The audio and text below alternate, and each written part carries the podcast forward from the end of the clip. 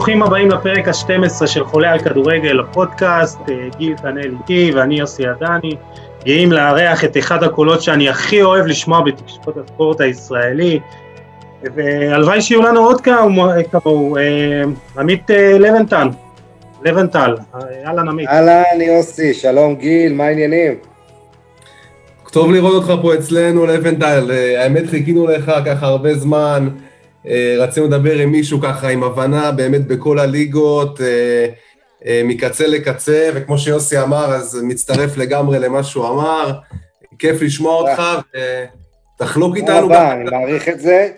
תדעו לכם שעד היום אני מתרגש עדיין מכל מחמאה וכל מישהו שמעיר ואומר משהו. זה כיף גדול, באמת. תודה. טוב, אם כבר אנחנו פותחים את זה, כאילו, איך התחילה האהבה שלך אה, לתקשורת, לעולם הפרשנות, לא היית שחקן או משהו בסגנון, נכון? שתקן אותי, אני...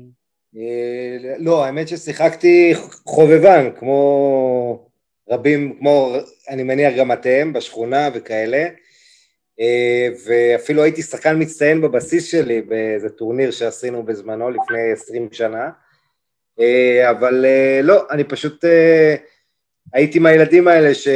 קוראים את העיתון, את כל הספורט עד הסוף, עד אה, תוצאות ליגה ג' ומאוד אה, ככה הייתי עכבר של ספורט ולמדתי דרך זה גם הרבה על גיאוגרפיה ועל אה, תרבות ועוד דברים וזה מאוד סקרן אותי ו... וזהו, זה הכל, אתה יודע, לימוד, המון חוויה ו... וזהו, אני עושה את המיטב שאני יכול כמובן מתוקף זה שלא הייתי בחדר הלבשה מקצועני וזה ככה מה שחסר לי בפרשנות אולי קצת, להביא את התחושות של השחקנים בדיוק שם, אבל עוד פעם, אני מאמין בסופו של דבר שכדורגל זה משחק פשוט, אה, ויחד עם זאת, אפשר לעשות אותו עוד הרבה יותר מעניין ממשהו. אז זהו, באמת אחד הדברים שאני הכי אוהב בך, לבנטל, אה, זה שאתה יודע להביא גם, בדיוק כמו שאמרת, את הזווית שלך למשחק, אה, גם מזווית גיאוגרפית, מזווית תרבותית. אה, זאת אומרת, מה עכשיו, אה, לא יודע, מה עכשיו חושבים באודינה על אודינזה, אה, ולרדת לרזולוציות הכי נמוכות, זאת אומרת, לא רק, אתה יודע, מה שאנחנו מדברים ביום-יום, ברסה, ריאל, לבנדובסקי, סוארז, באמת לרדת לכל הרזולוציות הכי נמוכות, וזה כיף. תודה, תודה, אני מעריך את זה. אתה יודע, אני לפעמים שואל את עצמי אם יש מישהו בבית שבכלל מתעניין בזה, כי אתה יודע, חלק מהמשחקים זה טורינו ברשיה, או ריאל בטיס סוסיידד כאלה, שלא עם הרבה קהל, אבל תמיד אפשר, אני חושב, למצוא משהו זהו, נוסף. באמת, איך, איך, איך מייצרים את התשוקה הזאת? גם אנחנו בוואן, גילוי נאות, אני, אני עובד בוואן בתור עורך, אני רואה אותך לא מעט במערכת, אה, אז איך באמת מייצרים את התשוקה הזאת עכשיו לשדר, כמו שאתה אומר, אה, טורינו ברשיה, או חטאפה קאדיס, או דברים, אתה יודע, מהסוג הזה? אה, תשמע, כל משחק הוא אתגר, אני חושב שהמטרה שלי, אני רואה את עצמי בתור מי שמלווה את השידור, וחושב יש המון אנשים בבית, ומי יכול לראות את זה, ואתה יודע, מצד אחד אתה רוצה להוסיף שיהיה מעניין, מצד שני לא לאכול את הראש יותר מדי. באמת המפתח פה בפרשנות, ובכלל, כשאתה מלווה משחקים זה עמידה. אה, כן להביא אינפורמציה מעניינת, אבל לא יותר מדי לאכול את הראש עם מספרים ונתונים, כי זה גם לא טוב. אה, אז אה, תראה, יש כל כך הרבה אינפורמציה בעידן שלנו, אה, שאתה מונגש לך אם אתה רק יודע קצת ומתעמק וקצת שפות ועוד אה, נישות, אה, ו- וזה פשוט כיף גדול, אני מרגיש זכות להעביר את הידע ואת מה שאני יכול. אז איך אתה באמת, איך אתה באמת מתכונן לשידור? כאילו אתה... תראה, להתכונן לשידור זה, כמובן זה תלוי גם, כי להתכונן לשידור של ריאל או ברסה, אה, בדרך כלל, אני לא אשקר, בדרך כלל אתה תביא יותר אה, אינפורמציה, גם כי יש לך יותר אינפורמציה, והרבה יותר מסוכרות קבוצות גדולות ממה שלצורך העניין אה, גנוע או חטאפה. אז כמובן המון אינפורמציה מכל מיני זוויות, מה ציטוטים של מאמנים או בכלל חדשות שקורות במועדון, להביא כמה וכמה זוויות שונות, כמובן הצד המקצועי, ניתוח של הקבוצות וכל מה שקורה איתן, ו...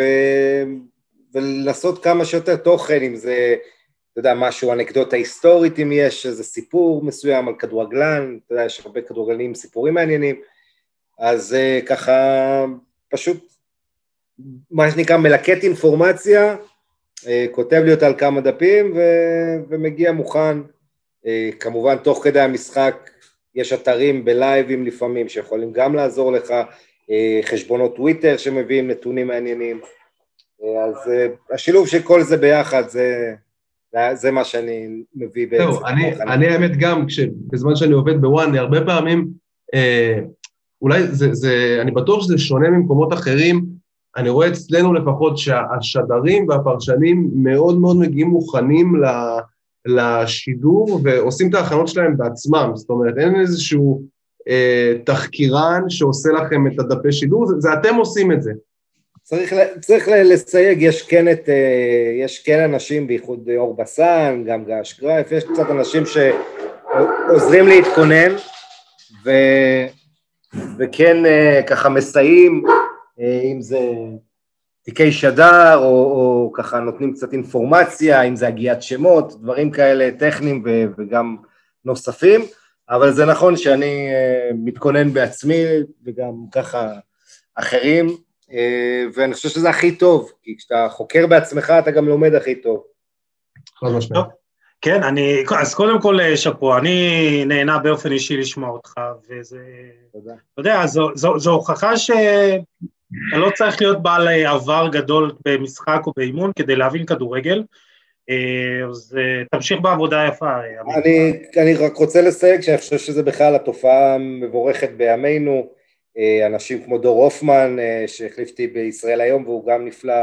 אה, ויש עוד באמת, אסף כהן גם לא היה שחקן והוא פרשן טוב. מדהים.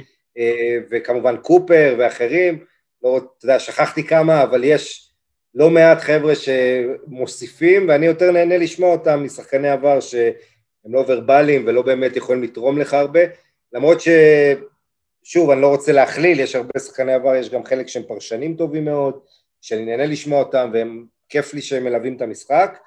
אמ, דוגמה אחת אצלנו למשל אלון חזן, אה, כבר הרבה זמן שאני פרשן שאני אוהב לשמוע, אה, אז אה, כן, בסך הכל כל אחד מביא את מה שיש לו.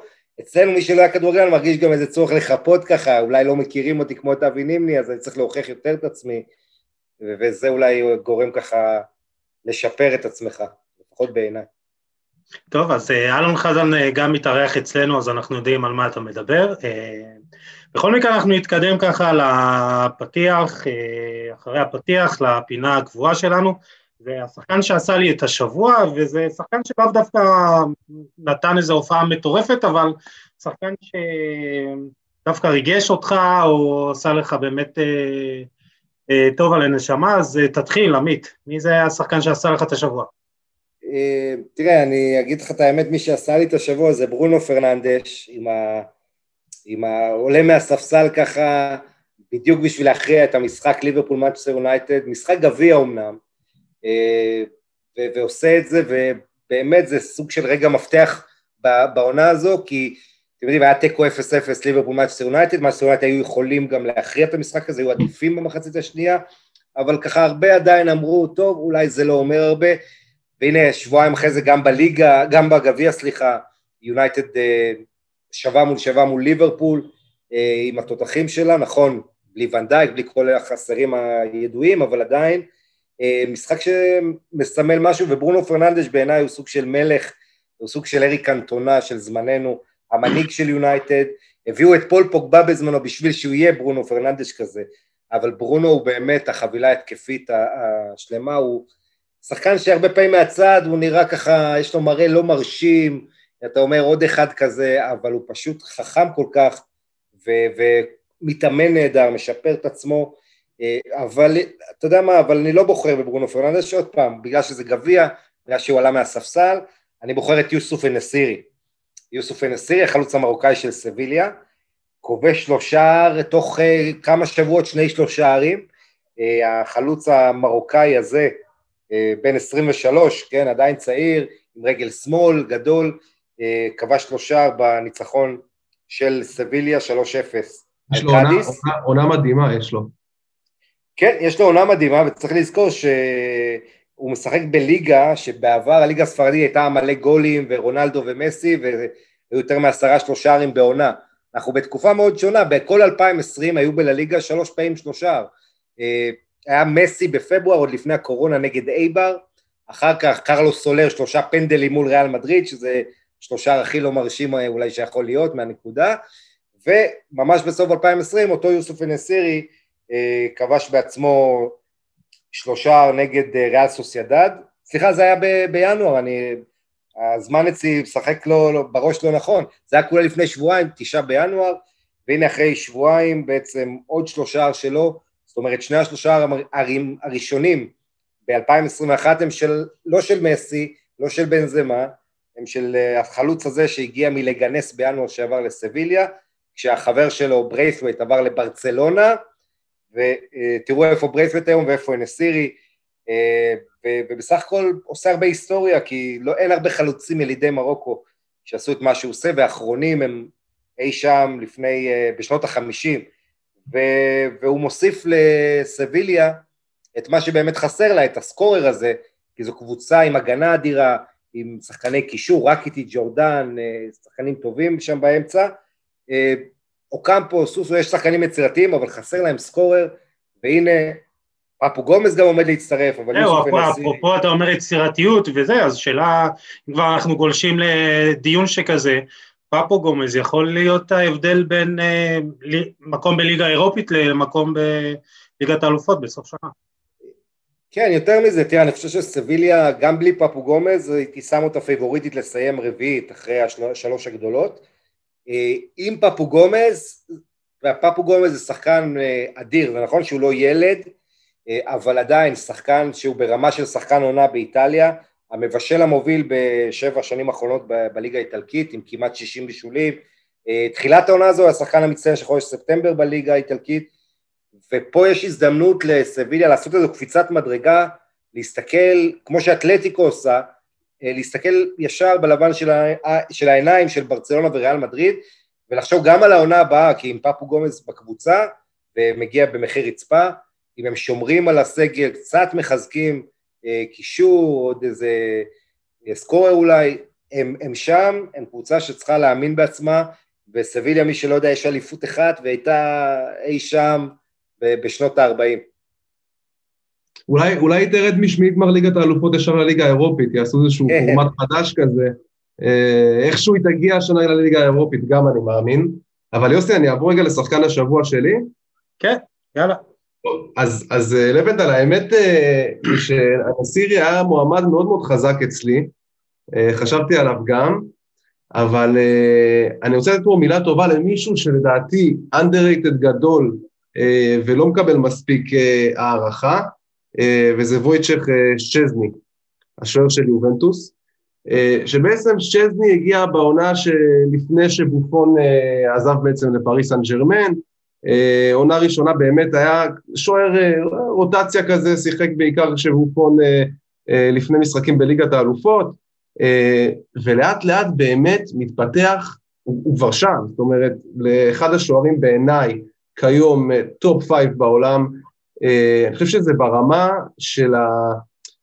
הוא, הוא מביא, הוא יודע, הוא יודע לתת את ההצלות האלה, את השתי ההצלות האלה במשחק, עכשיו היה לו את זה גם נגד נפולי בסופרקאפ, והיה לו את זה אה, גם במשחק הליגה האחרון נגד בולוניה, שאתה יודע, יובנטוס ניצחה 2-0, וזה מה שזוכרים בסופו של דבר, ו, ו, והגול של רונלדו נגד נפולי, אבל לפני זה פשוט אה, בסופרקאפ הצלה מטורפת אה, לנגיחה של אה, אירווינג לוזאנו, אה, וגם נגד מנע שם, ונגד, אני אומר ברשה, הכנסת לי כבר לראש את ברשה, נגד אה, בולוניה הוא מנע שם שער עצמי של קוואדרדו, והיכולת שלו לשמור על ריכוז אה, במשך המשחק, אתה יודע, שפחות מאיימים על השער של יובנטוס, אבל כן לבוא ולתת את ההצלות האלה, זה משהו שבעיניי שם אותו כיום, כמו שאמרתי, שוער top five בעולם, והרבה מזה שיובנטוס עדיין איכשהו נמצאת במאבק באיטליה, זה הרבה בזכותו ומגיע לו את כל, ה,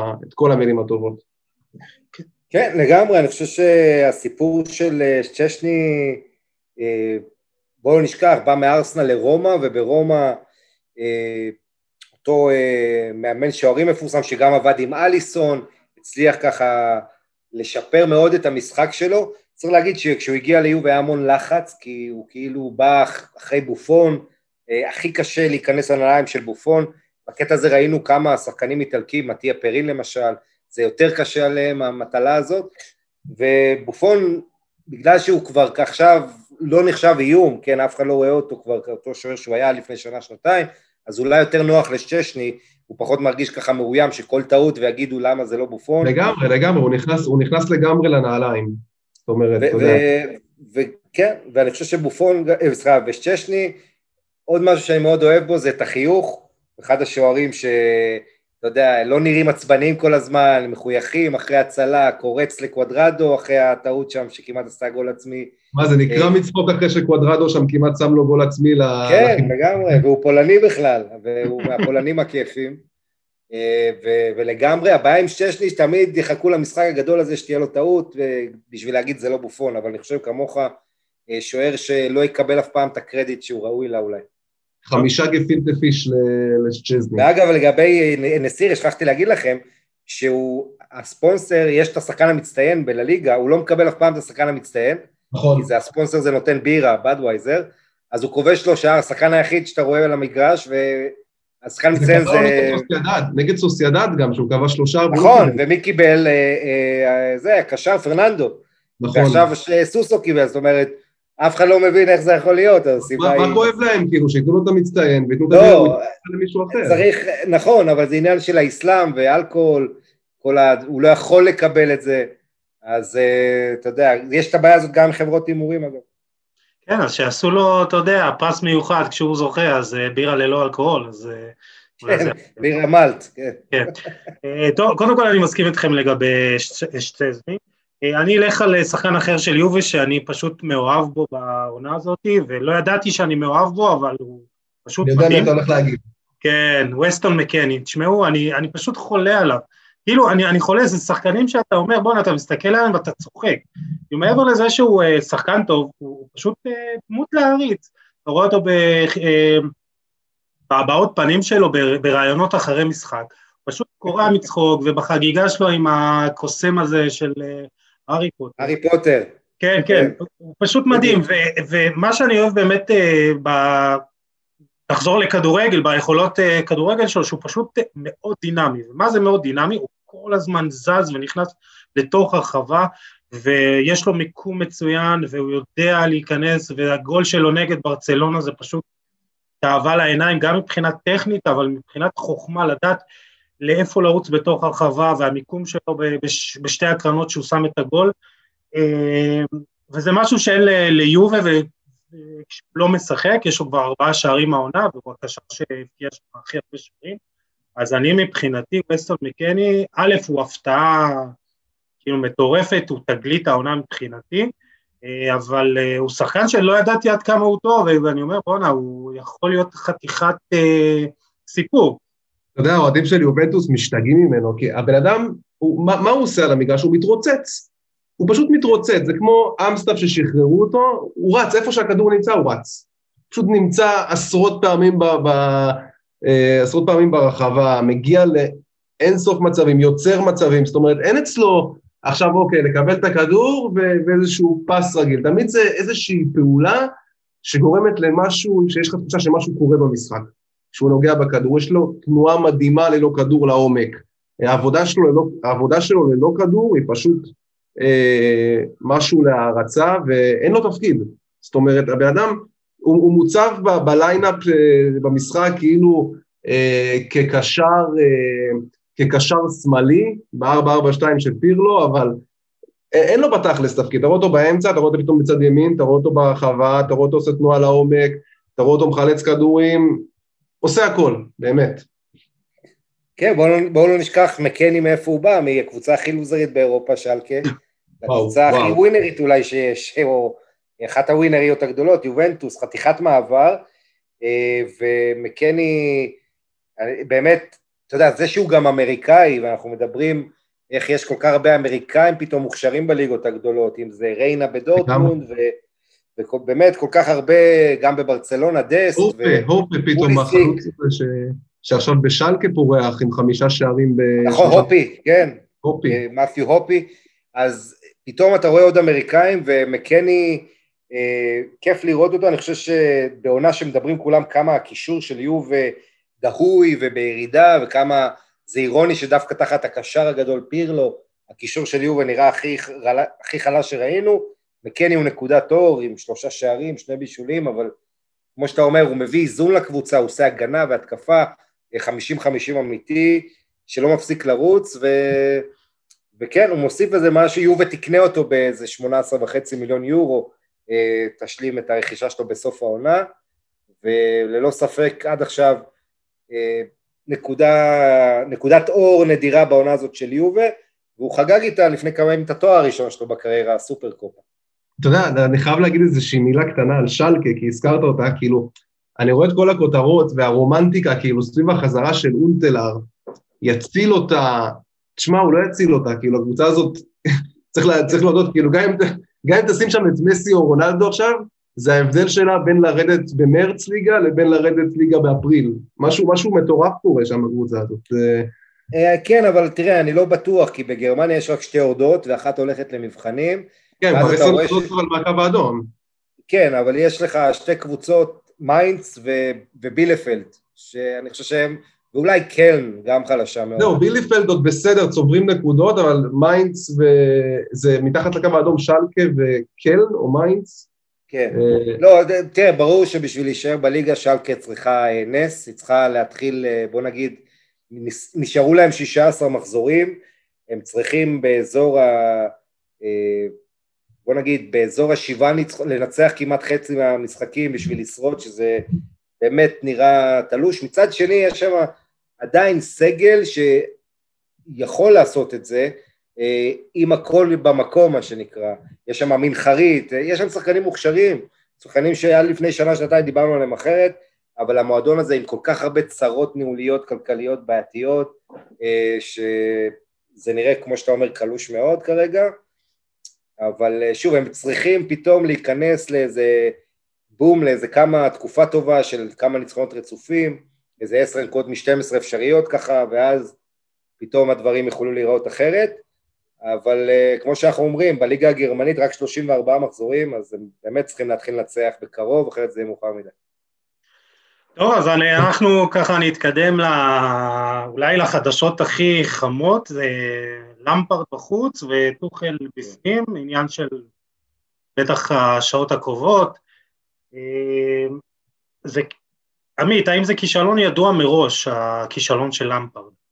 כן, בהחלט. אה, זו המון חוכמה בדיעבד, אבל אה, אני לא מופתע גם ב... ב בוא נגיד ככה, אחד הדברים הכי קשים למאמן אה, זה לשנות את הקבוצה תוך עונה אחת, תוך קיץ אחד, ואין קבוצה באירופה שהשתנתה כמו צ'לסי, אה, עם כל הרכש הגדול, 200 מיליון פאונד יוצא יותר מכל קבוצה אחרת, זה אחרי שהיה לה איסור העברות, עונה שעברה זה היה בדיוק ההפך, למפרד אה, שיחק עם כל הצעירים מהאקדמיה הנהדרת וקיבל הרבה מחמאות, כי הציפיות היו נמוכות, אבל העונה הזו אתה מביא את הגרמנים הכי יקרים אי פעם, את ורנר והוורץ, עם המון לחץ בגלל התג מחיר, אה, מביא עוד ועוד שחקנים, ובסוף למפרד כמאמן, אין לו את הניסיון, אה, ובשביל להצליח עם שחקנים כאלה, ובכל מקרה, היה, כן יש לו חסר מסוים אה,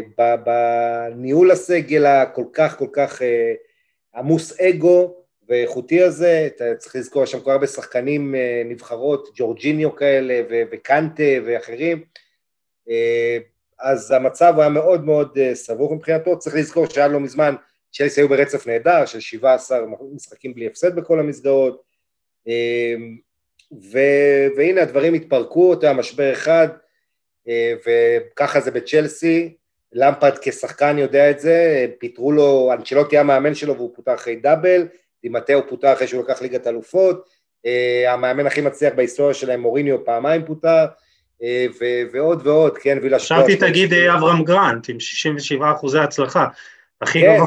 כן, גרנט עוד סיים עונה, אבל כן, אבל בסוף צריך לזכור ש... אני לא רוצה להגיד צ'לסי מזכירה קצת קבוצה של טביב, אבל רומן אברמוביץ' הוא general manager, יש לו את מרינה גרנובסקיה שעובדת תחתיו, יש לו את האנשים שלו, אבל הוא מנתח מהצד והוא רואה מה הסגל הזה שווה, מה הוא מאמין שהוא שווה, והוא אה, לא מוותר, וצריך להגיד, המצב של צ'לסי מדאיג, רק שתי נקודות מעל ארסנל, בצמרת הכל כך צפופה באנגליה כרגע, גם ליברפול כרגע אה, מרגישה מאוד לא בנוח לגבי ה top 4, כן, אה, אברטון שתי נקודות אחריהם, שני משחקים חסרים, טוטנאם ממשחק פחות, גם יכולים לעבור אותם, כך שיש הרבה לחץ בליגה, לא רק בצ'לסי, לא, אז, אבל... אז, כן. אז אני אומר, באמת, בהקשר למה שאתה אומר, אני רוצה רגע להקריא את, את ההודעה הרשמית של צ'לסי על הפיטורים של, של פרנק למפרד, באמת מאוד מעניין איך שהם, איך שהם מתייחסים לדברים, אז אומרים, אנחנו מודים לפרנק על כל מה שהשיג עם הקבוצה בזמן עבודתו כמאמן, בכל מקרה רצף התוצאות והיכולת לא תעמוד הציפיות של המועדון, שנמצא במרכז הטבלה בלי שום כיוון לשיפור כלשהו. זאת אומרת, אז פה באמת, אה, אז אנחנו יודעים שרומן אברמוביץ' הקיץ הזה הלך אול אין, הוציא על אה, קאי אברץ סכום מטורף של 80 מיליון יורו, טימו ורנר 53 מיליון יורו, צ'ילואל 50 מיליון יורו, אה, זייש 40 מיליון יורו, ואתה רואה שהשחקנים האלה לא מצליחים להביא לידי ביטוי את היכולות שלהם, ואולי אני, אני אישית חושב שזה משהו ש, שגרם ל... זה משהו שהעלה לרומן אברמוביץ' את הסעיף, זאת אומרת שהוא מביא את השחקנים האלה, והם לא, והם לא מצליחים לבוא לידי ביטוי תחת uh, למפרד, ואנחנו גם באמת לא רואים, כמו שנכתב בהודעה, איזשהו גרף של שיפור אצלם. אה, כן, נכון, ו... והיו כמה משחקים שהייתה הזדמנות ללמפרד להושיע את עצמו, לשנות מומנטום, זה לא עבד. אה, היו שחקנים ש... שלא היו ברוטציה וקצת לכלכו עליו מאחורי הגב לעיתונאים ואמרו שאין לו מושג על טקטיקה וככה הוא לא מכין אותם כמו שצריך ושהוא לא מוציא את המיטב משחקנים כמו הוורץ וורנר בתפקוד שלהם. אה, וכן, תראה המון לחץ בעבודה הזאת כמאמן צ'לסי. עכשיו נראה מה יהיה עם תומאס טוחל שמגיע לסיטואציה הזאת של הכיסא הלוהט בצ'לסי. אה, המאמן האחרון שהגיע אחרי קדנציה בפריס סן ג'רמן לאנגליה, אונאי אמרי לא כל כך הצליח עם ארסנל, אה, אבל בואו נראה מה יהיה עם טוחל.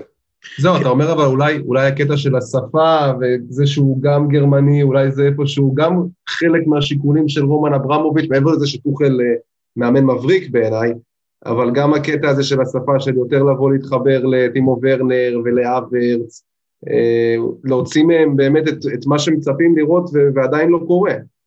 כן, גם אפשר להזכיר את אה, רודיגר, עוד גרמני, בלם, כן. שאומנם לא בהרכב של למפרד, אה, אפשר להוסיף עוד כמה שחקנים שהוא מעריך ורצה אותם, כמו ז'ורג'יניו, האיטלקי ברזילאי. גם תיאגו סילבה יש איתו מערכת יחסים טובה, ו- וקראתי שבעצם כן. מי ששחרר אותו... דווקא תיאגו סילבה זה מעניין, דווקא תיאגו סילבה זה מעניין, כי הוא עזב הרי אחת הסיבות זה שהוא לא היה מאה אחוז מרוצה מהירידה במעמד שלו. נכון. אה, מרקיניוס הפך לבלם הבכיר תחת טוחל, אז אה, אתה יודע, הוא ברח מטוחל ועכשיו טוחל רודף אותו ללונדון, אה, אבל יהיה מאוד מעניין לראות את טוחל בגרמניה, הוא, הוא מדבר גר... אנגלית בוא נגיד יותר טוב מצרפתית, למרות שהוא למד צרפתית יפה, לא מספיק טוב, אבל עדיין היה לו צרפתית יפה, באנגליה מאוד מעניין, תשמעו, הליגה הזאת באנגליה ממש היא, היא חצי בונדסליגה, עם יוגן קלופ, עם מאזן רוטל, אה, עכשיו גם טוחל ועוד ועוד, רואים את ההשפעה אה, של הכדורגל הגרמני המצליח היום אה, בהחלט, באנגליה. אני, אני אישית חושב שהפיטורים האלה אולי יהיו קצת נמהרים, אתה, אתה רואה, זאת אומרת, אתה רואה מאמנים היום בעולם, אה, כמו אה, פירלו לצורך העניין, כמו סולשר שכבר שלחו אותו הביתה אחרי הדחה אה, מליגת האלופות כבר היה נראה שהוא רגל וחצי בחוץ, והנה פתאום בום, יונייטד מקום ראשון בליגה ונראית כמו הקבוצה הכי טובה באנגליה.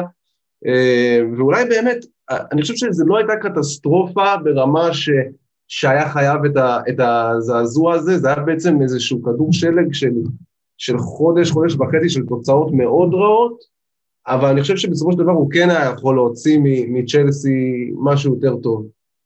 נכון, אבל יש פה שתי בעיות. בעיה אחת, שאצל רומן אברמוביץ' חושבים קודם כל לטווח הקצר והבינוני, לא יותר מזה. וצ'לסי שהיא מוציאה 200 מיליון פאונד בקיץ, והיא מבינה שהיא חייבת להגיע לליגת האלופות בשביל להחזיר את ההוצאות, והלחץ פה גם מדבר חזק. אה, דבר נוסף זה שבצ'לסי ה manager הוא לא במעמד, בוא נגיד, כמו במועדונים אחרים, הוא צריך לתת דין וחשבון להנהלה, לגרנובסקיה, לאחרים, גם פטר צ'ך שם מסתובב, ו...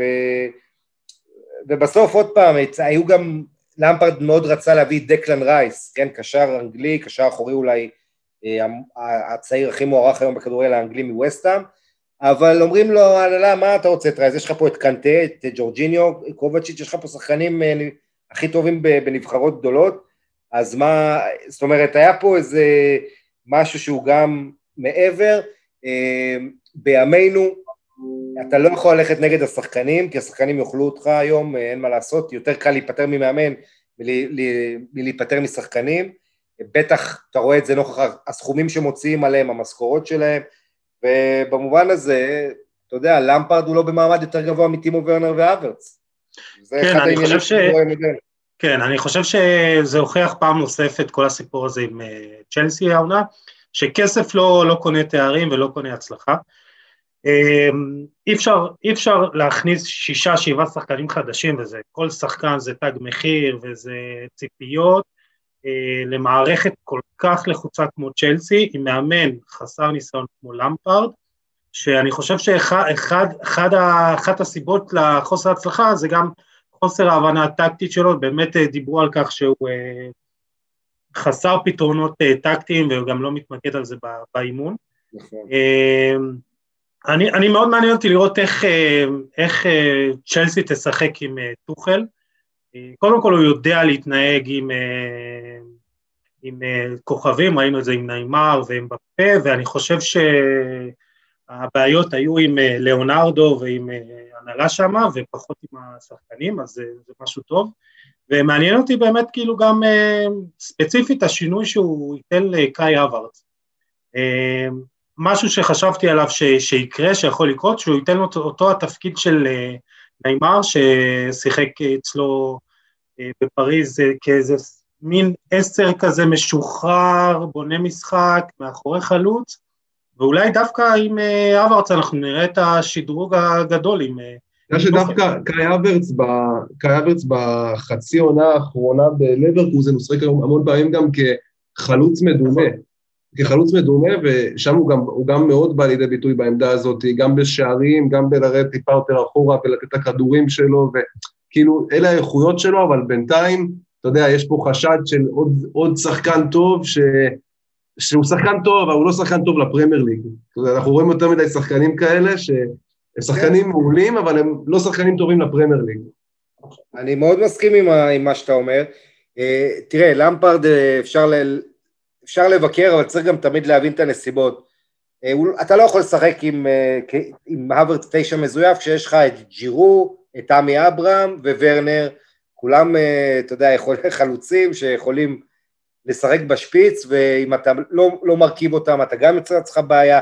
בסוף הווארדס לא סיפק את הסחורה, הוא נראה חלש מאוד, הוא בעצמו דיבר על זה שהקצב באנגליה, האינטנסיביות, הספרינטים, הכל היה מאוד משהו שהוא לא מכיר בגרמניה, לא היה לו זמן על הכדור כמו שהוא היה רגיל אה, לחשוב, והוא צריך לעשות את ההתאמות כשחקן.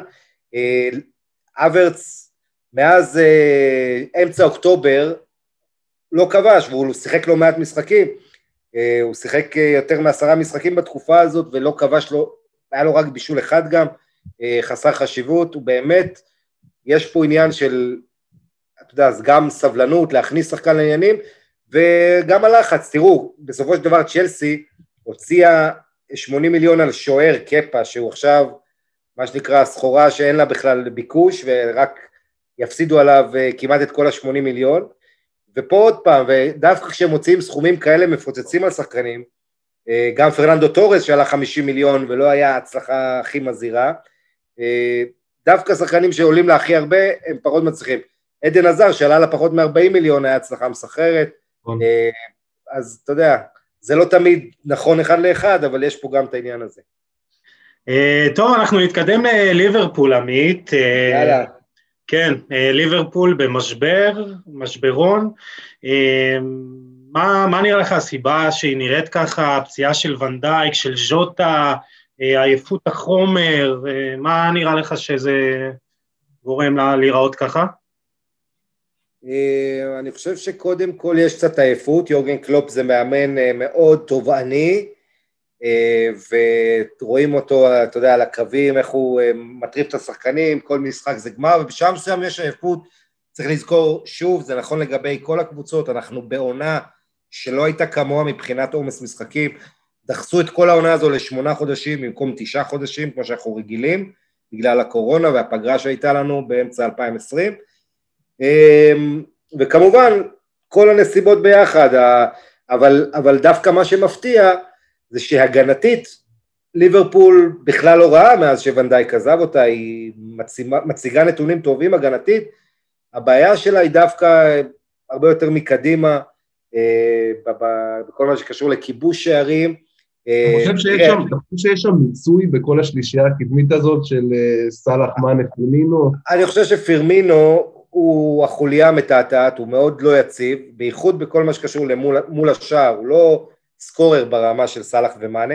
צריך גם לזכור, סאלח ומאנה הם בעצמם, הם לא באמת חלוצים, זו שלישייה שכל אחד בו הוא חלוץ, אבל הם במקור שחקני כנף, הם לא העמידו מספרים כמו שהם העמידו עד שהם הגיעו לליברפול של קלופ, אמ, אז אתה יודע, יש את העניין הזה. אה, ליברפול, כשאתה מסתכל על סטטיסטיקות, אתה רואה כמה שערים היא הייתה אמורה לכבוש במשחקים האחרונים, וכמה היא לא כבשה, זה אנומליה מטורפת, כן? היא, היא הייתה צריכה לכבוש איזה שבעה שמונה גולים יותר. אה, אז ההחמצות אה, זה חלק מהעניין. אה, אתה יודע, העובדה שפביניו יורד לה, לה, להגנה נגיד, כשצריך להיות בלם, אז זה עוזר למשחק ההגנה, אבל זה גם פוגע במשחק ההתקפה. זה, זה, בדיוק מה שרציתי להגיד, זה, זה, אני חושב שזה באמת ה... זה, זה קריטי, שאם בעונה שעברה היה לו את פביניו, שיודע שזה סלע באמצע שלא עוברים, אתה יודע, קשר אחורי אה, פר אקסלנס, אה, והיום אין לו את זה, זאת אומרת, יש לו את תיאגו אלקנטרה וויינלדום, שהוא משחק איתם ביחד, שזה כן יוצר את האלמנט של החזקת כדור, אבל מצד שני, אה, הקבוצה באמת נראית יותר פגיעה, יותר חשופה. אני חושב שגם הפציעה של ג'וטה, תראו, ג'וטה היה נהדר, איך שהוא הגיע לליברפול, אה, והוא באמת היה הדבר המרענן הזה שיריבות גם עוד לא למדו להתכונן אליו, בניגוד לשאר השחקני התקפה של ליברפול, אה, ומאז שז'וטה נפצע התחילו בעיות. עכשיו, אה, תיאגו זה סיפור מאוד מעניין, תיאגו אלקנטרה, שחקן אדיר, שחקן שעד היום בביירן מינכן, רומיניגה ואחרים בהנהלת ביירן אומרים שאין תחליף לשחקן כמו תיאגו אלקנטרה, והוא, החיסרון שלו זה ההבדל הכי גדול בביירן מינכן. כי השליטה שלה במשחק כבר לא מה שהיא הייתה, אבל uh, תיאגו יש uh, כאלה שאומרים, דידי המן, השחקן עבר של ליברפול ופרשן בימינו, uh, אומרים שהוא לא בהכרח מתאים לסגנון של קלופ, של gegenpressing, של ישר לחפש את המסירה קדימה, כל הזמן להפעיל לחץ. כמובן, הצד השני הוא שליברפול, איך שאתה לא מסתכל על זה, כל משחק 70-80 אחוז החזקת כדור מול יריבות נחותות, והיא צריכה את השחקנים החכמים האלה שבסופו אה, של דבר תיאגו יותר יועיל לה מאשר יפגע זה ברור, אבל אנחנו רואים אה, לא מעט בעיות וגם קלופ שפתאום מנסה ככה להכניס את שקירי להרכב קצת לאחרונה פתאום אה, לעשות כל מיני שינויים, אבל זה עדיין לא עוזר. תראו, אני מצפה שליברפול תחזור לעצמה בקרוב, מבחינת לחבר תוצאות טובות, אבל אה, אני לא חושב שזה יספיק בשביל לזכות באליפות מול מנצ'סטר סיטי הזאת, אה, ואולי גם מנצ'סטר יונייטד. כן. לא, באמת, נדבר על סיטי, אנחנו רואים אצל סיטי התעוררות, אה, התעוררות מאוד גדולה, בעצם בשלושה משחקים האחרונים היא לא סופגת שער, שזה נראה שבאמת אם זה היה עקב אכילס שלה בתחילת העונה, אז באמת גוורדיולה הצליח, הצליח לייצב את ההגנה, וכרגע היא באמת נראית, אחת, יחד עם היריבה העירונית שלה, באמת פייבוריטית ברורה לאליפות. כן, סיטי היא הגנתית, זה, זה, זה השינוי אולי הכי קיצוני העונה בכדורגל האירופי, מה שעובר על מנצ'סטר סיטי, אה, כל השנים דובר על זה שפפ גוארדיולה, קבוצות שלו כובשות הרבה, אבל סופגות לא מעט, בטח בוא נגיד במנצ'סטר סיטי, בעידן של גוארדיולה, וזו השנה הכי גרועה שלו התקפית, אבל הכי טובה הגנתית, אה, מאז ההגעה של רובן דיאש, הבלם מבנפיקה, והיכולת של ג'ון סטונס, אתם יודעים, עונה שעברה כולם דיברו על איך סיטי נראית עם לפורט בהרכב ובלי לפורט, והעונה כמעט לא מדברים בכלל על לפורט, כי דיאש וסטונס הפכו לצמד בלמים באמת אדיר, הקבוצה הזו לא סופגת כמעט בכלל כבר כמה חודשים, איזה ארבעה שערים בחמישה עשר משחקים, משהו כזה היא סופגת, ובעצם כן, יש לסיטי איזה איזון מסוים, עדיין גוורדיולה יש לו, הנטי, יש לו שני, שני, שני עניינים בולטים, אחד זה אין לו כרגע חלוץ מוכח מה שנקרא כי הגוורו עם כל הפציעות והקורונה וזה עוד לא באמת חזר לעצמו וז'זוס לא נותן מספרים אה, גבוהים. אה, אז אין לו את הסקורר המוכח הזה אז פה ושם הם נתקעים ומגיעים להרבה מצבים שולטים בכדור ולא מוצאים את הרשת. אה, ומאוד חשוב לסיטי השער הראשון כדי לתת לה שליטה במשחק דבר שני זה שכן גוורדיולה לפעמים מסבך דברים, אתם יודעים, מזיז שחקנים איך שנוח לו, אה, וזה יכול פתאום במשחק גדול לעלות עוד פעם, לעלות לה לסיטי, אבל לדעתי כרגע היא פיבוריטית אה, לזכייה, ב... לחזור לזכות בליגה, כמו שהתרגלנו. כן, דיברת על הצורך של אה, פפ כל הזמן לשנות, וזה ב... במיוחד התבלט בעונה שעברה בליגת האלופות. שהוא אה, הוא ניסה כל הזמן, הוא כל הזמן מנסה לחדש, כל הזמן מנסה, ולפעמים זה overthinking כזה. זה...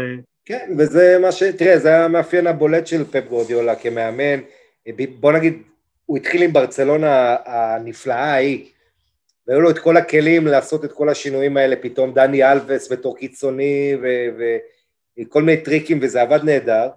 אה, אבל עוד מהימים שהוא היה בביירן מינכן, היה לו משחק בברנבאו, בליגת אלופות, משחק נוקאוט שהוא משאיר את תומאס מולר על הספסל, כדי להראות כמה הוא חכם ו- ומבין מה נכון, אבל זה, זה בסופו של דבר עלה לו, והעובדה היא שהוא לא הצליח לזכות בליגת האלופות מאז שהוא עזב את ברצלונה.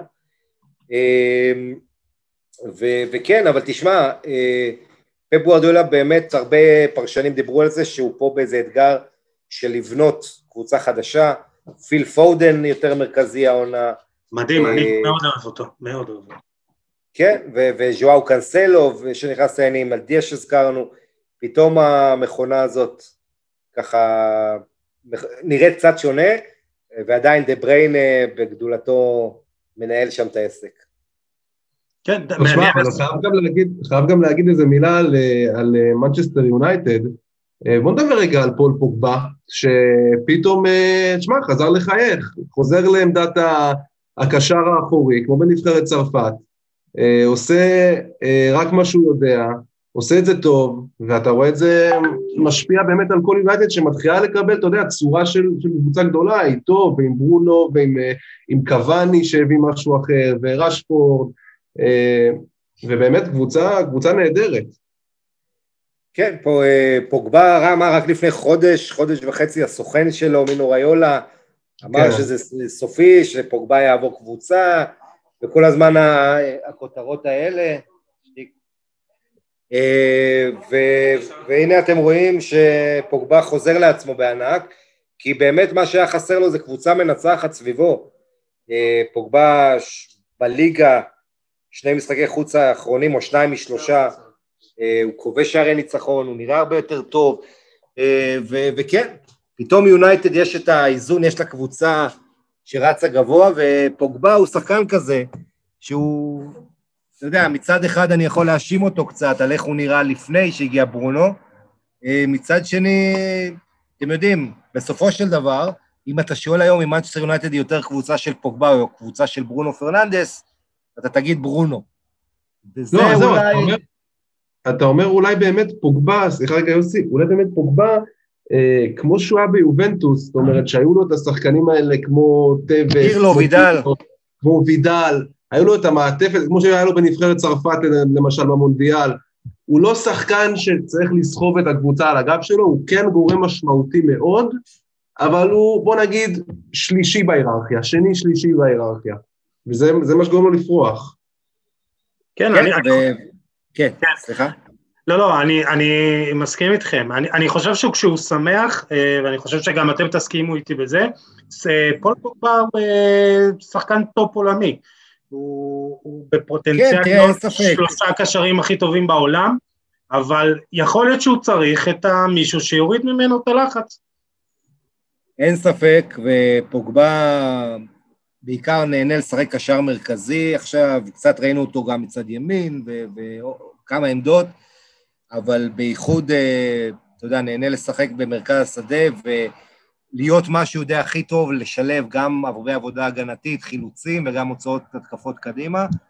אמ, אף שחקן בעולם לא יכול להצליח אה, אם אין לו קבוצה טובה לידו, צריך להגיד את זה, תראו את מסי בברצלונה גם, אה, ומצד שני, פוגבה, אתם יודעים, הגישה שלו, התחושה הזו שהוא מתעסק יותר בתספורות ובדברים לא חשובים, אה, כל הדברים האלה שיחקו לרעתו, אני חושב שבהחלט החצי עונה הקרוב, פול פוגבה, אם יונייטד רוצה אליפות, היא חייבת את פוגבה בשיאו, במיטבו, אה, שיוריד גם קצת מהעומס על ברונו פרננדש. כן, אני... יוסי, נעבור, יוסי, נעבור לקבוצה שהייתה מתה שפוגבה ישחק אצלה? כן. מה, ריאל מדריד? לא, לא, יש, יש, יש קבוצה אחת שיותר צריכה אותו, שממש הייתה מתה שהוא יבוא לשחק אצלה. הוא כבר שיחק אצלה פעם, האמת. הוא היה כן. גם די טוב. יובה שלך, אה, גיל, כן. כן. טוב, אז אה, מה, נתחיל לדבר על יובנטוס? כן, מה, יש לה את זה? היא יכולה לה, לה, להפוך את היוצרות בעונה כזאת, עמית? אני אגיד לך תשובה שהיא uh, סתירה פנימית. מצד אחד, uh, כן, הרבה מאמינים, בטח אחרי שמיטת הנקודות של הקבוצות ממילאנו, uh, ושוב, תשע אליפויות רצופות, ליובה יש כוח הרתעה, כולם מזכירים שנפולי בשנים האחרונות גם הייתה במקום הראשון אחרי חצי עונה, וזה לא הספיק לה מול יובה.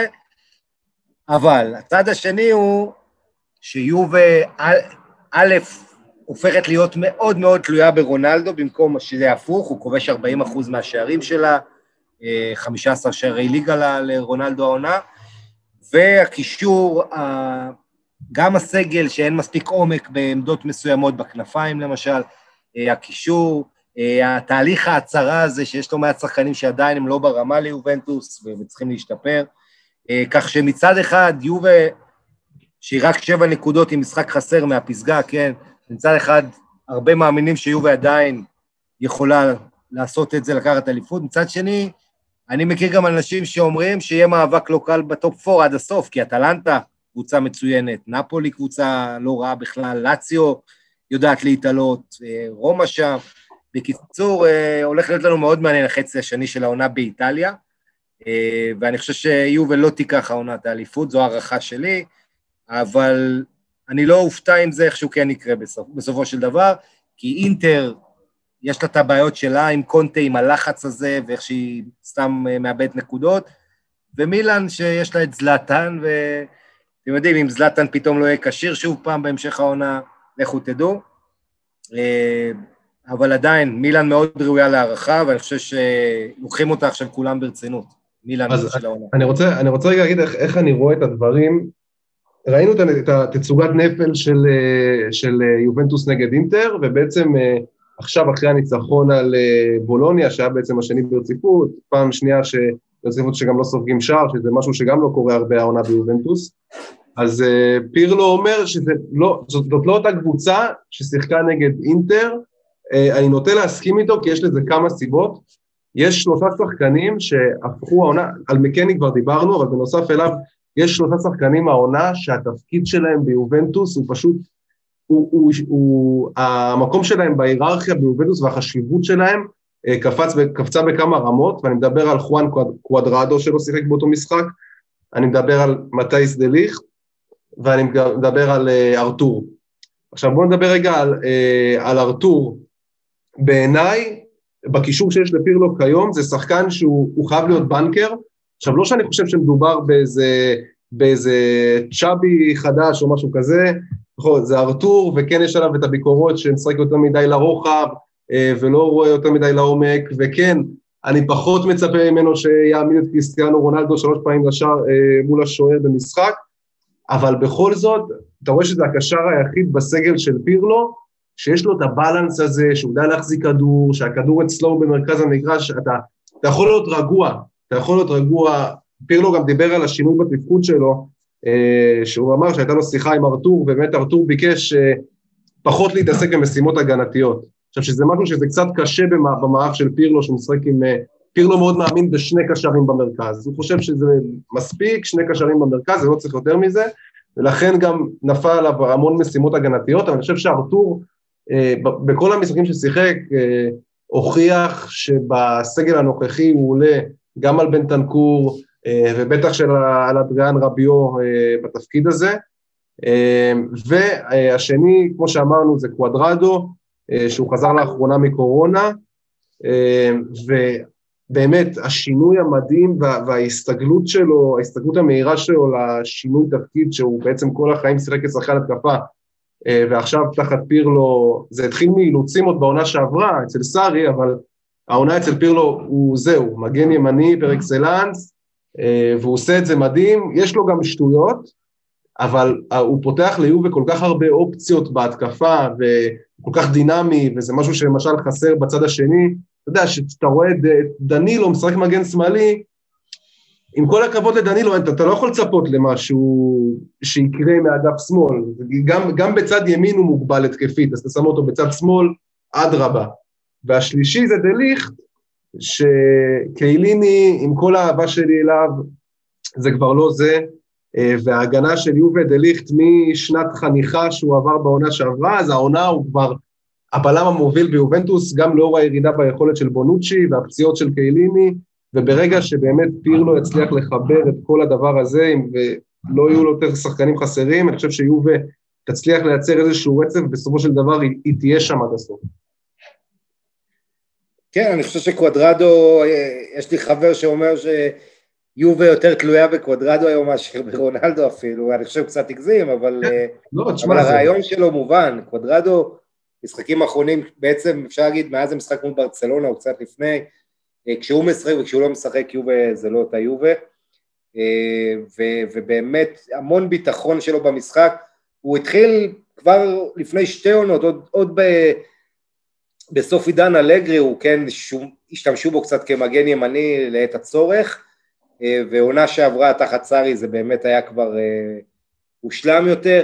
העונה הזו במערך הזה המוזר של פירלו שזה בעצם סוג של 4-4-2 הגנתית ובהתקפית, אתם יודעים, דנילו נשאר בשלישייה זהו, דנילו הופך, כן, קוודרדו הופך בהתקפה ליוצר, לשחקן התקפי מצד ימין, אה, ואתם יודעים, הוא עוד לא קבע שער העונה, אבל חמישה בישולים בצ'אמפיונס, חמישה בליגה, אה, וקוודרדו באמת אה, שחקן ש, שכיף לראות אותו, אתה יודע, אני באמת מתרשם ממנו מאוד,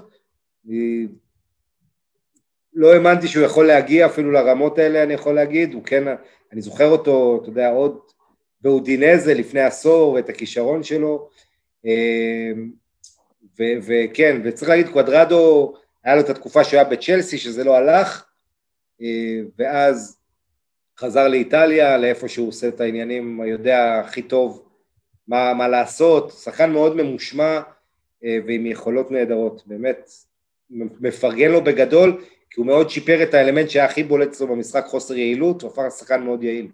השאלה אם, השאלה אם פירלו באמת אה, סגור על מה הוא רוצה מהקבוצה, עם שינויי מערכ, מערכים, עם, אה, עם, פעם עם אה, דיבלה, פעם עם קולוסבסקי, פעם עם קיאזה.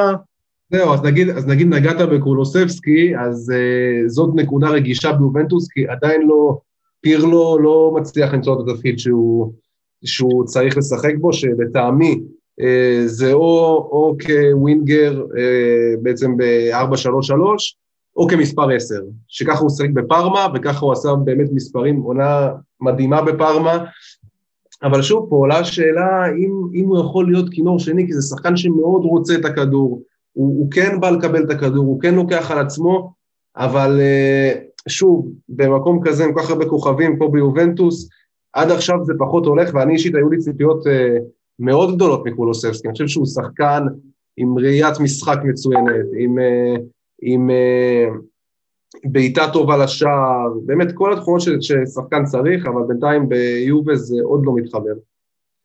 גם קיאזה, אותו אפשר להגיד אותם דברים, קיאזה שהיה מצוין כמה משחקים, אבל עדיין ככה מחפשים בדיוק אה, איך, איך מביאים אותו בצורה יציבה וטובה ועקבית, אם זה בהכרח כנף שמאל או, או בעמדה אה, קדמית כחלוץ.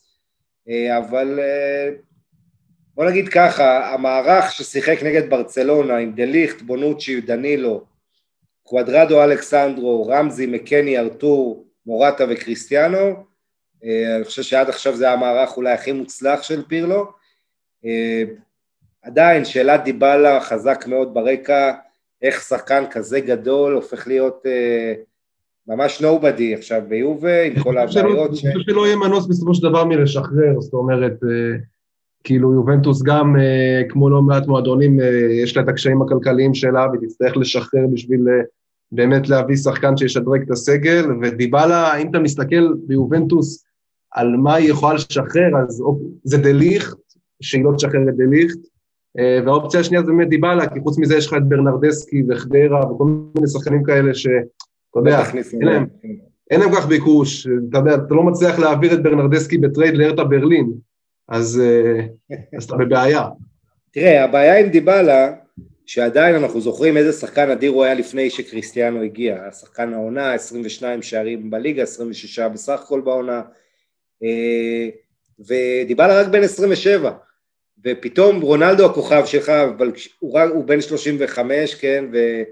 ו, ורונלדו עם כל ה... אין לו, אין לו עוד הרבה עתיד במועדון, בוא נגיד ככה. דיבלה, אם הוא חוזר ליכולת שלו, הוא יכול לתת כמה שנים, ופה זו שאלה, צריך להגיד את האמת, כל ההתנהלות של המועדון אה, מול דיבלה. אה, אתם איתי? כן, כן, כן. כל ההתנהלות, אה, סליחה, יש לי פה איזה רעש. אה, כל ה... דיבלה חתום לחוזה עד סוף 2022, כן, ביובה?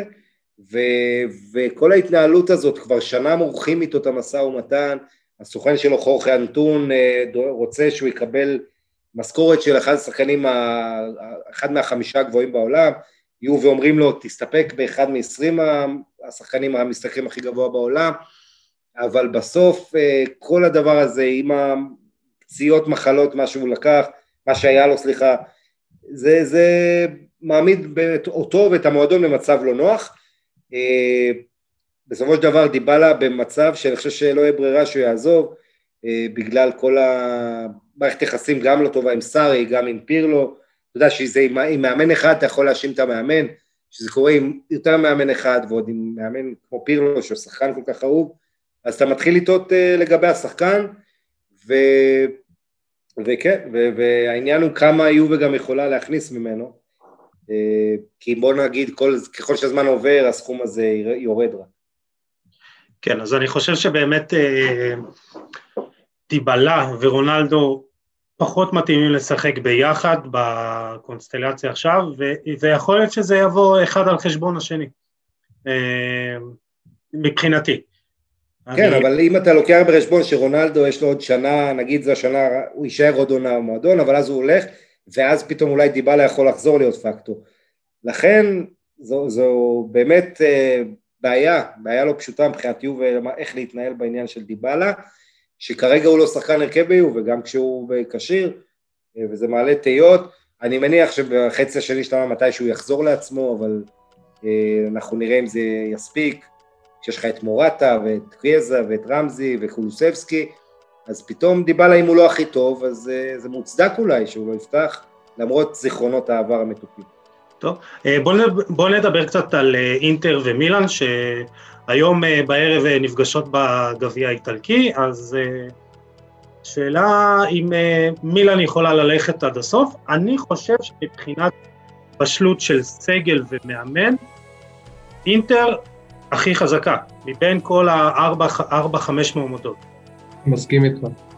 כולם חושבים ככה, אה, אני חושב שזו המחשבה השגורה היום. קודם כל צריך לזכור שאינטר עונה שעברה סיימה רק נקודה אחרי יובה, ונכון שיובה סתם זרקה בסוף, לא הייתה צריכה לנצח משחקים, כי הבטיחה את האליפות כמה מחזורים לסוף, ועדיין אינטר עונה שעברה עשתה הרבה צעדים לסגור את הפער מיובה. אז קודם כל זה הרבה יותר הגיוני. דבר שני, הסגל של אה, אינטר עמוק ואיכותי, אה, ובאמת גם רואים את זה במשכורות, כן, מילאן לצורך העניין, המשכורות שלה לא מתקרבות למה שאינטר מוציאה, על משכורות 140 מיליון יורו אינטר ו-90 מיליון מילאן. אה, אבל אם אני רוצה לאתגר את המחשבה הזאת, אז כמה עניינים. לאינטר אין זלאטן, עם כל הכבוד ללוקאקו, ללאוטרו, שהרבה משחקים גדולים הם לא מגיעים, ולוקאקו גם לוקח גולים. אבל הם משחקים גדולים. אבל אתם יודעים, לוקאקו יצא לו שם כזה עוד בימים שלו ביונייטד, שהוא לא מגיע למשחקים הגדולות, אה, ובאינטר זה ככה ככה, היו לו את המשחקים ההדחות מליגת האלופות, משחקים מול יובה ועוד משחקים שהוא לא הגיע. מצד שני לוקאקו חלוץ אדיר ואין ספק שהוא שיפר את הקבוצה. לאוטרו גם חם וקר, הוא שחקן כן, שעושה דברים נהדרים.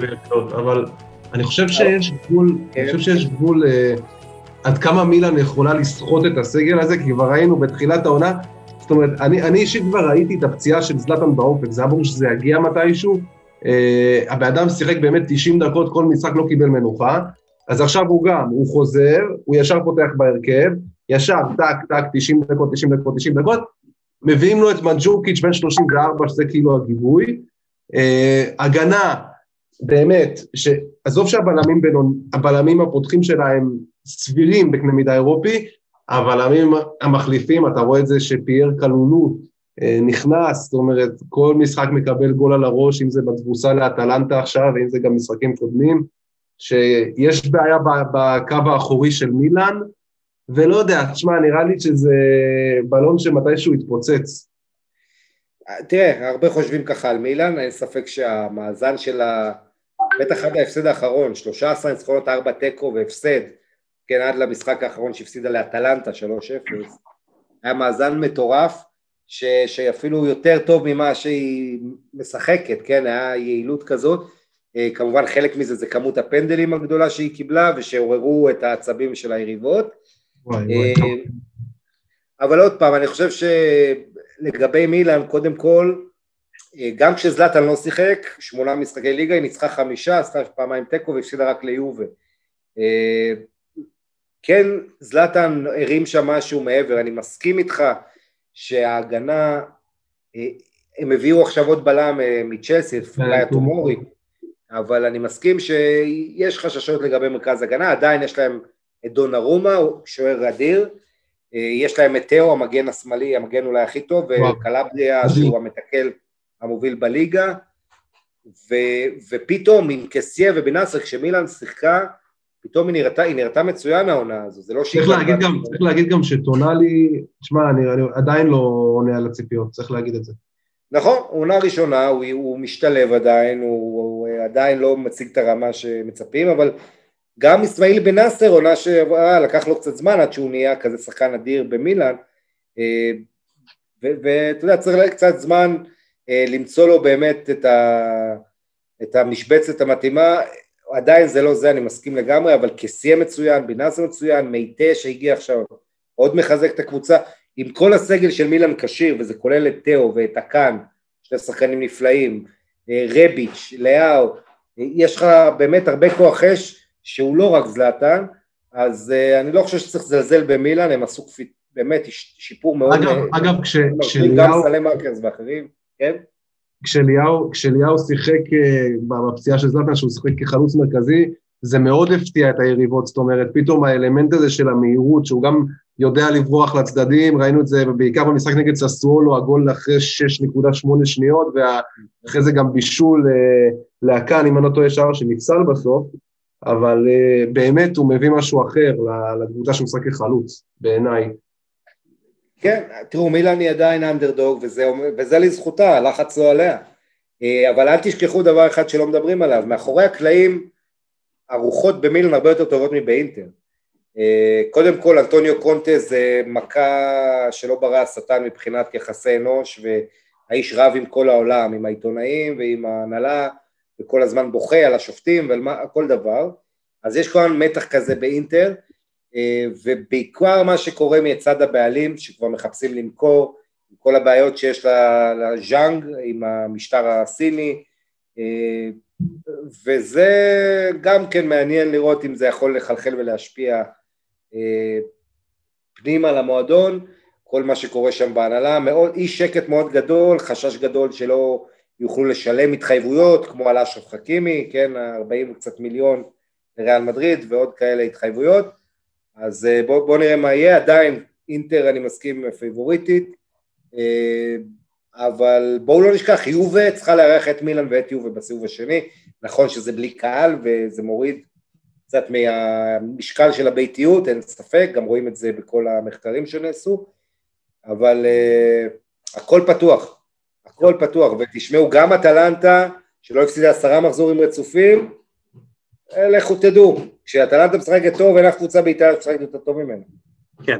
Uh, טוב, אני רוצה שבכל מקרה ניגע קצת בבונדסליגה uh, וביירן מינכן עם uh, שתי תופעות שהן בכלל, ביירן היא תופעה בפני עצמה וכל שחקן שם אפשר באמת לדבר עליו שעות, אבל בכל זאת אני רוצה שנתמקד ברוברט לבנדובסקי וג'ושוע קימיך. דבר שאתה יודע, קצת מפריע לי לגבי לבנדובסקי, שאנשים די מפקפקים ב... ביכולות שלו ואומרים שבאנגליה הוא לא היה מגיע לכמות השערים הזאת וזה מין כוכבית, תמיד אנחנו מדברים על איזה כוכביות כאלה לגבי שחקנים, מסי שלא זכה בגביע עולמי, אז רוברט לבנדובסקי אומרים, טוב, זה ליגה של, אתה יודע, אלה שמקצינים, ליגה של איכרים. אבל הבן אדם הגיע ל-500 שערים בקריירה, הוא סך הכל השחקן הרביעי שמגיע להישג הזה מבין השחקנים הפעילים. אמ, האם אנחנו לא מעריכים את לבנדובסקי יתר על המידה?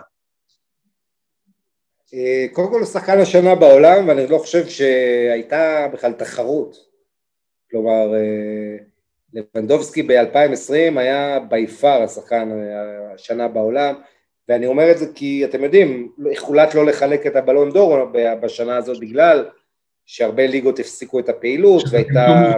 טמטום מוחלט, כי כולם שיחקו את אותו מספר משחקים, כאילו, אז...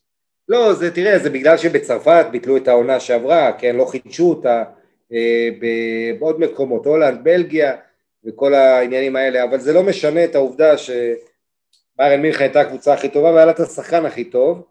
אה, אני חייב להגיד לגבי לבנדובסקי, הוא עושה, מה שהוא עושה בגלל שזה הכל בגרמניה, כל הקריירה שלו בעצם עזב את פולין לגרמניה ושם הוא עושה את מה שהוא עושה, אז זה לא יעזור, תמיד יהיו את אלה שלא מעריכים, כמו שזלטן איבראימוביץ' שהוא שיחק כל הזמן באיטליה, היו כאלה באנגליה שהסתכלו עליו או במקומות אחרים ולא העריכו את זה כי זה לא היה חלק מזה, אתה יודע, וגרמניה אנחנו יודעים, יש לה בהחלט ההגנות כמות השערים הכי גבוהה מכל הליגות הגדולות, מסורתית, אה, הכדורגל הכי פתוח, אה, הליגה הכי טובה לשחקני התקפה לנפח מספרים, תראו את אה, ג'יידון סנצ'ו בשנתיים האחרונות, איזה מספרים הוא מעמיד. יחד עם זאת, אי אפשר להתעלם מכך שהוא שובר שיאים של גרד מולר, כן, חצי עונה... 23 שערים עד עכשיו, זה, זה פשוט כמות של מלך שערים בעונה שלמה. נכון, הוא צריך להגיע ל-40 בשביל להשוות את השיא ההיסטורי של גרד מולר משנות ה-60, שיא שחשבו שלא יישבר בכלל. אה, ומה ש... שני דברים נוספים שמרשימים על לבנדובסקי זה העקביות, שהוא עושה שנה אחרי שנה מלך שערים או, או בטופ, נותן את המספרים, והעובדה שהוא רק משתבח עם הגיל ועם הזמן. זה, אה, זה הדבר הכי מדהים מבחינתי, שאני אומר בואנה בגיל 32 הוא רק משתפר, כאילו אתה יודע, בגיל הזה שחקנים כבר חושבים על מה הם הולכים לעשות אחרי הפרישה. כן, אבל זה בדיוק העניין בימינו, שאנחנו מצד אחד, בכדורגל של ימינו, כל שחקן צעיר מלהיב אותנו, ואנחנו אומרים, וואו, ארלינג הולנד, סנצ'ו, פודן, אמבפה, לא ראינו אף פעם כל הרבה צעירים שכל כך מלהיבים אותנו.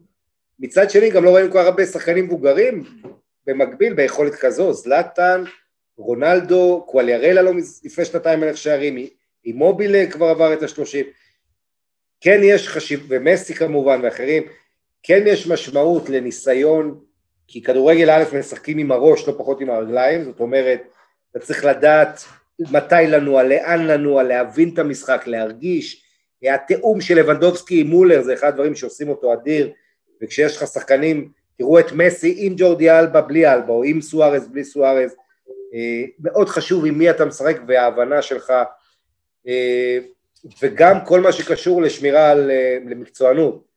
ולבנדובסקי עם אשתו שהיא גם בעצמה ספורטאית עבר ותזונאית שלו מאוד מקפיד על התזונה, על השינה, התאוששות, כל הדברים האלה. ו, ובקטע הזה אתה יודע, זה, זה גם כן עוזר לו לשמור על עצמו בריא ובכושר. תשמע, בסופו של דבר להיות כאילו כל כך הרבה שנים במערכת כמו ביירן מינכן, זה, זה מצריך ממך משהו מבחינה מקצוענית, משהו אחר. אפילו בהשוואה למועדונים הכי גדולים באירופה, אני חושב שביירן זה מודל למקצוענות, כן, אבל ש... תחשוב, כמו זלאטן, אם אין לך את לבנדובסקי, אז אה, אין לך באמת את המניה שאתה בטוחה, אין לך גיבוי באמת. עם כל הכבוד לזה שביירן כובשת בלי סוף, לבנדובסקי תמיד שם, ואתם יודעים, כל עונה 30 גולים בערך הוא נותן, העונה הזו ייתן יותר, אז אה, זה, זה מאוד מרשים.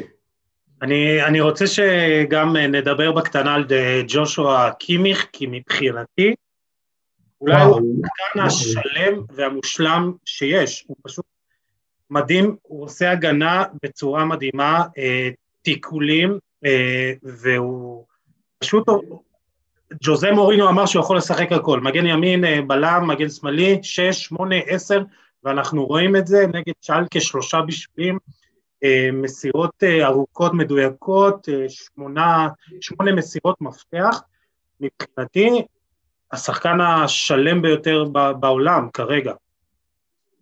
אני מסכים איתך, אני חושב שהוא שחקן אולי הכי underrated בעולם. יושו אקימיך או יוזו אקימיך, אם תרצה בשם הגרמני שלו, בכלל הגיע כמגן, אתם זוכרים, סוג של פיליפ לאם, כן, מגן כן, שהיום הוא עכשיו... כן, רק שלהבדיל מפיליפ לאם הוא באמת שחקן מדהים באיכויות ההתקפיות, יש לו את ההגבהה, אני חושב, הכי רכה היום בעולם. שלושה בישולים. מדהימים נגד שלגר. מדהימים, זה לא רק הכמות כמו האיכות של הבישולים, כן? איך שהוא יודע להגביה בדיוק את הכדור שיגיע לאן שיגיע, אם זה במצב נייח, אם זה תוך כדי משחק, הוא גם כובש שערים חשובים כשצריך. כן, שנה שעברה נגד דורטמונד, ההקפצה הזאת זה היה פשוט מדהים. כן? זה כאילו אין אצלו, אין, אצלו, אין אצלו פעולה שהיא מרושלת. זאת אומרת, גם אם הוא יגביה כדור, הוא תמיד יגביה אותו טוב, אולי הכדור לא יגיע, אבל הוא יגביה אותו טוב. ואם הוא ימסור, אז בדרך כלל בפעולות הפשוטות, הוא השחקן שעושה את הפעולות הפשוטות בצורה הכי מושלמת בעולם.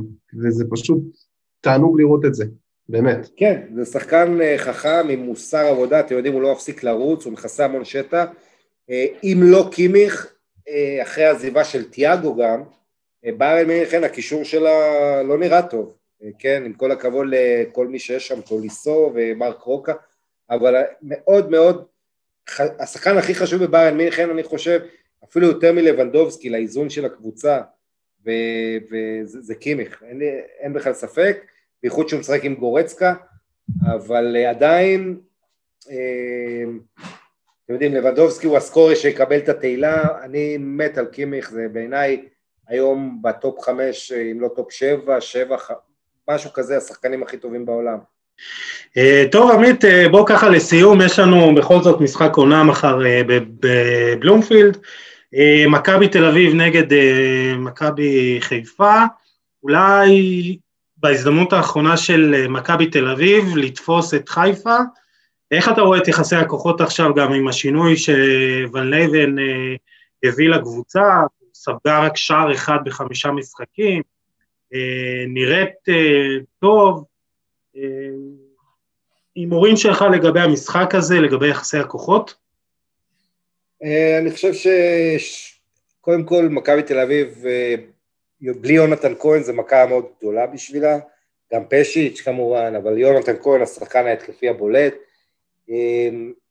אני, התחושה שלי שזו עונה של מהפך ביחסי הכוחות, לא רק, אתה יודע, מי תיקח פה את האליפות, אני מסתכל על הסגל של מכבי חיפה ואני רואה אותו יותר איכותי מהסגל של מכבי תל אביב, אם זה, אתה יודע, הזרים ההתקפיים שלה, צ'רי רוקאביצה, חלוץ כמו רוקאביצה למכבי אין, אם זה הקישור האחורי, עם רודריגז.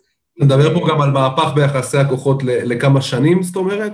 זה התחלה של איזושהי שושלת? אני לא יודע מה יהיה ואיך תהיה התגובה אה, של מכבי וגולדר, צריך לזכור שכל העזיבה אה, של איביץ' תפסה אותם לא מוכנים בקיץ הזה הקצר של הקורונה, עד שמונה דוניס, עד שדוניס מונה, ון לובן אה, אימן את הקבוצה, ואז הוא כל הזמן בחש מאחורי הקלעים וחזר, כל, הכל זה, זה סממנים לא טובים, ככה גם ברמת הקרמה, אם אתה מאמין בקרמה, וגם ברמת המקצועית, ון לבן עם כל הכבוד הוא לא מאמן מוכח.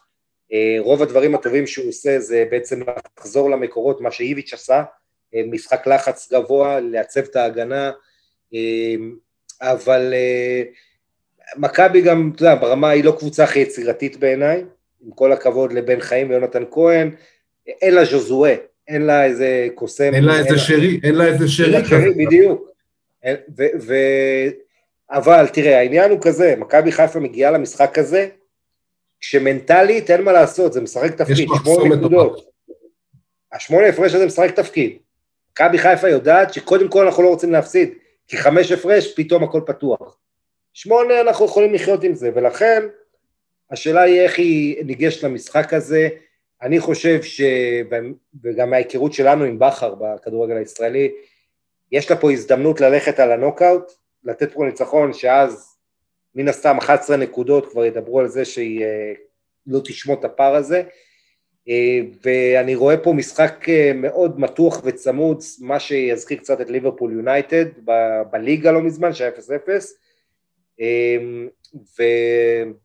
ומאוד יכול להיות שהמשחק הזה יוכרע מהספסל עם איזו עלייה של אצילי, או, או גם בצד של מכבי, גולסה או מישהו שיהיה האקס פקטור, אבל בסוף זה יהיה משחק מותח, אני לא חושב שיהיה עם הרבה מצבים, ו...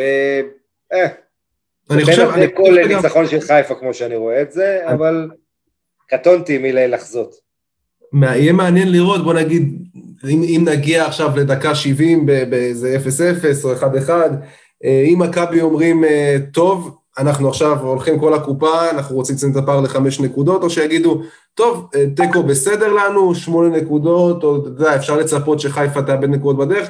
בכר, אנחנו יודעים כבר שעוד מהימים בבאר שבע, הוא יודע להסתפק בתיקו נגד מכבי, לא, לא להשתגע יותר מדי, הוא יודע שיש לו שמונה נקודות פער, הוא, בוא נגיד בבלומפילד, הוא יצא מרוצה עם תיקו, הוא לא, הוא לא ילך לרבנות על תיקו, בוא נגיד ככה.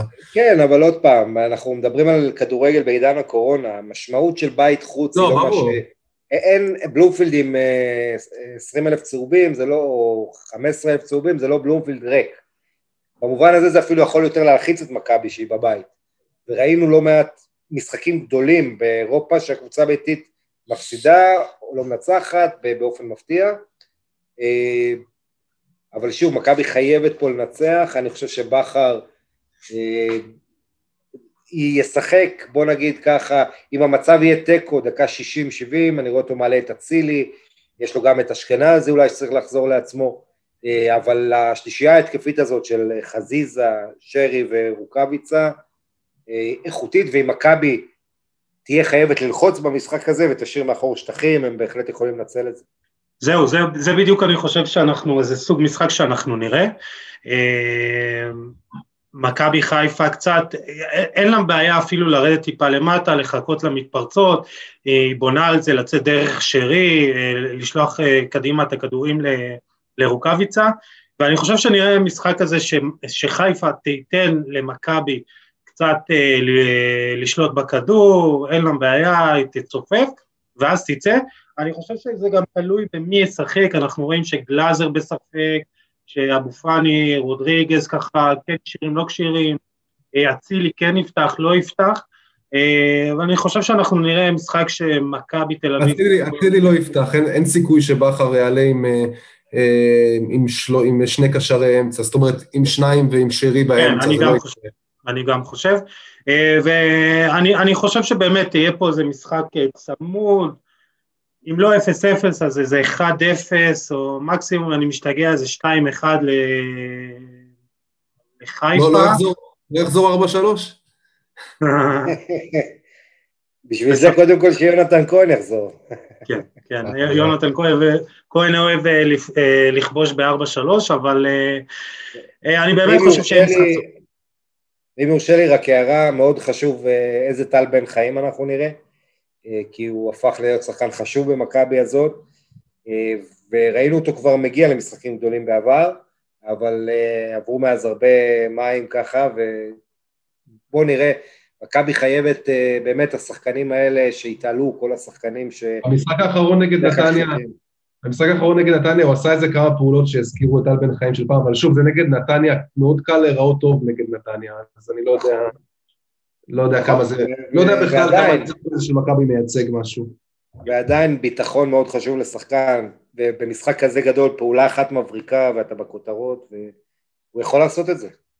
כן, שחקן האחרון שאני רוצה לציין במכבי תל אביב זה דווקא את אה, דור פרץ, וראינו את האיכות הנפלאה שלו אה, דווקא בפעולות ללא כדור, גם בגול נגד מכבי נתניה, את הכניסות שלו, לא הוא- אם אני לא טועה הוא צהובים, הוא לא ישחק.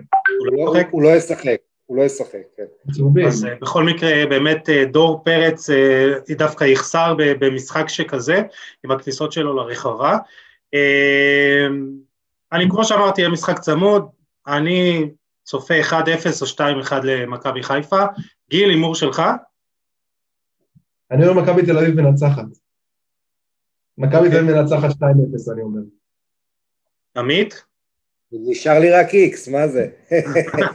אה, אני, תראו, אני מתלבט בין אה, 1-1 לבין 1-0 למכבי חיפה. אה, אז אה, את, בגלל שאתמול בתוכנית טלוויזיה אמרתי לחיפה 1-0, אז אני אלך על 1-1 פה, ככה לכסות את עצמי. תלך לעוד פודקאסט, תגיד אולי אה, מכבי. אני אלך למכבי. אה, טוב, אני- רק מקווה שיהיה. לנו איזה לא משחק מאכזב, איזה 0-0, מבחינתי כל תוצאה אחרת תתקבל בברכה. אה, בכל מקרה אני רוצה לסכם את הפרק. אה, אני חושב שזה אחד הפרקים שבאמת נהנינו לדבר כדורגל, ותמיד אני אומר, המטרה שלנו בפודקאסט ובדף זה לדבר על כדורגל ולהעלות את רמת השיח, שזה שיח מקצועי בסך הכל, שהוא מבוסס נתונים אבל גם מבוסס אה, הבנה אה, של שאר המרכיבים במשחק הזה. אה, ואני אישית נהניתי, אני לא יודע מה איתכם, היה לי כיף. תמיד כיף לדבר על כדורגל, ואנחנו תמיד אומרים ל- לאורחים שלנו, בואו, אתה יודע, נדבר שעה פלוס מינוס, ואז תמיד אנחנו איכשהו גולשים, ולא נעים לנו כי אנחנו צריכים לשחרר אותך, עמית, אבל uh, תודה רבה, נהנינו. איך היה לך? תודה רבה יוסי, תודה גיל, היה לי כיף גדול. וכן, ונעדכן נעדכן רק שגם לי יש פודקאסט בימי שני אה, על כדורגל אירופי, שאני מסכם את המחזור. אה, אז אה, כמובן, מי שרוצה מוזמן מדי יום שני אליי, ותמשיך במלאכה המבורכת שאתה עושה. תודה רבה, גיל?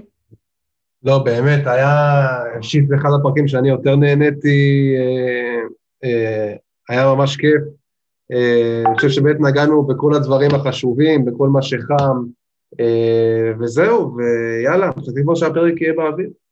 טוב, אז uh, תודה לכם חברים, תודה לכם uh, שהאזנתם לנו, מוזמנים לשתף, לתייג ולהאיר את עינינו.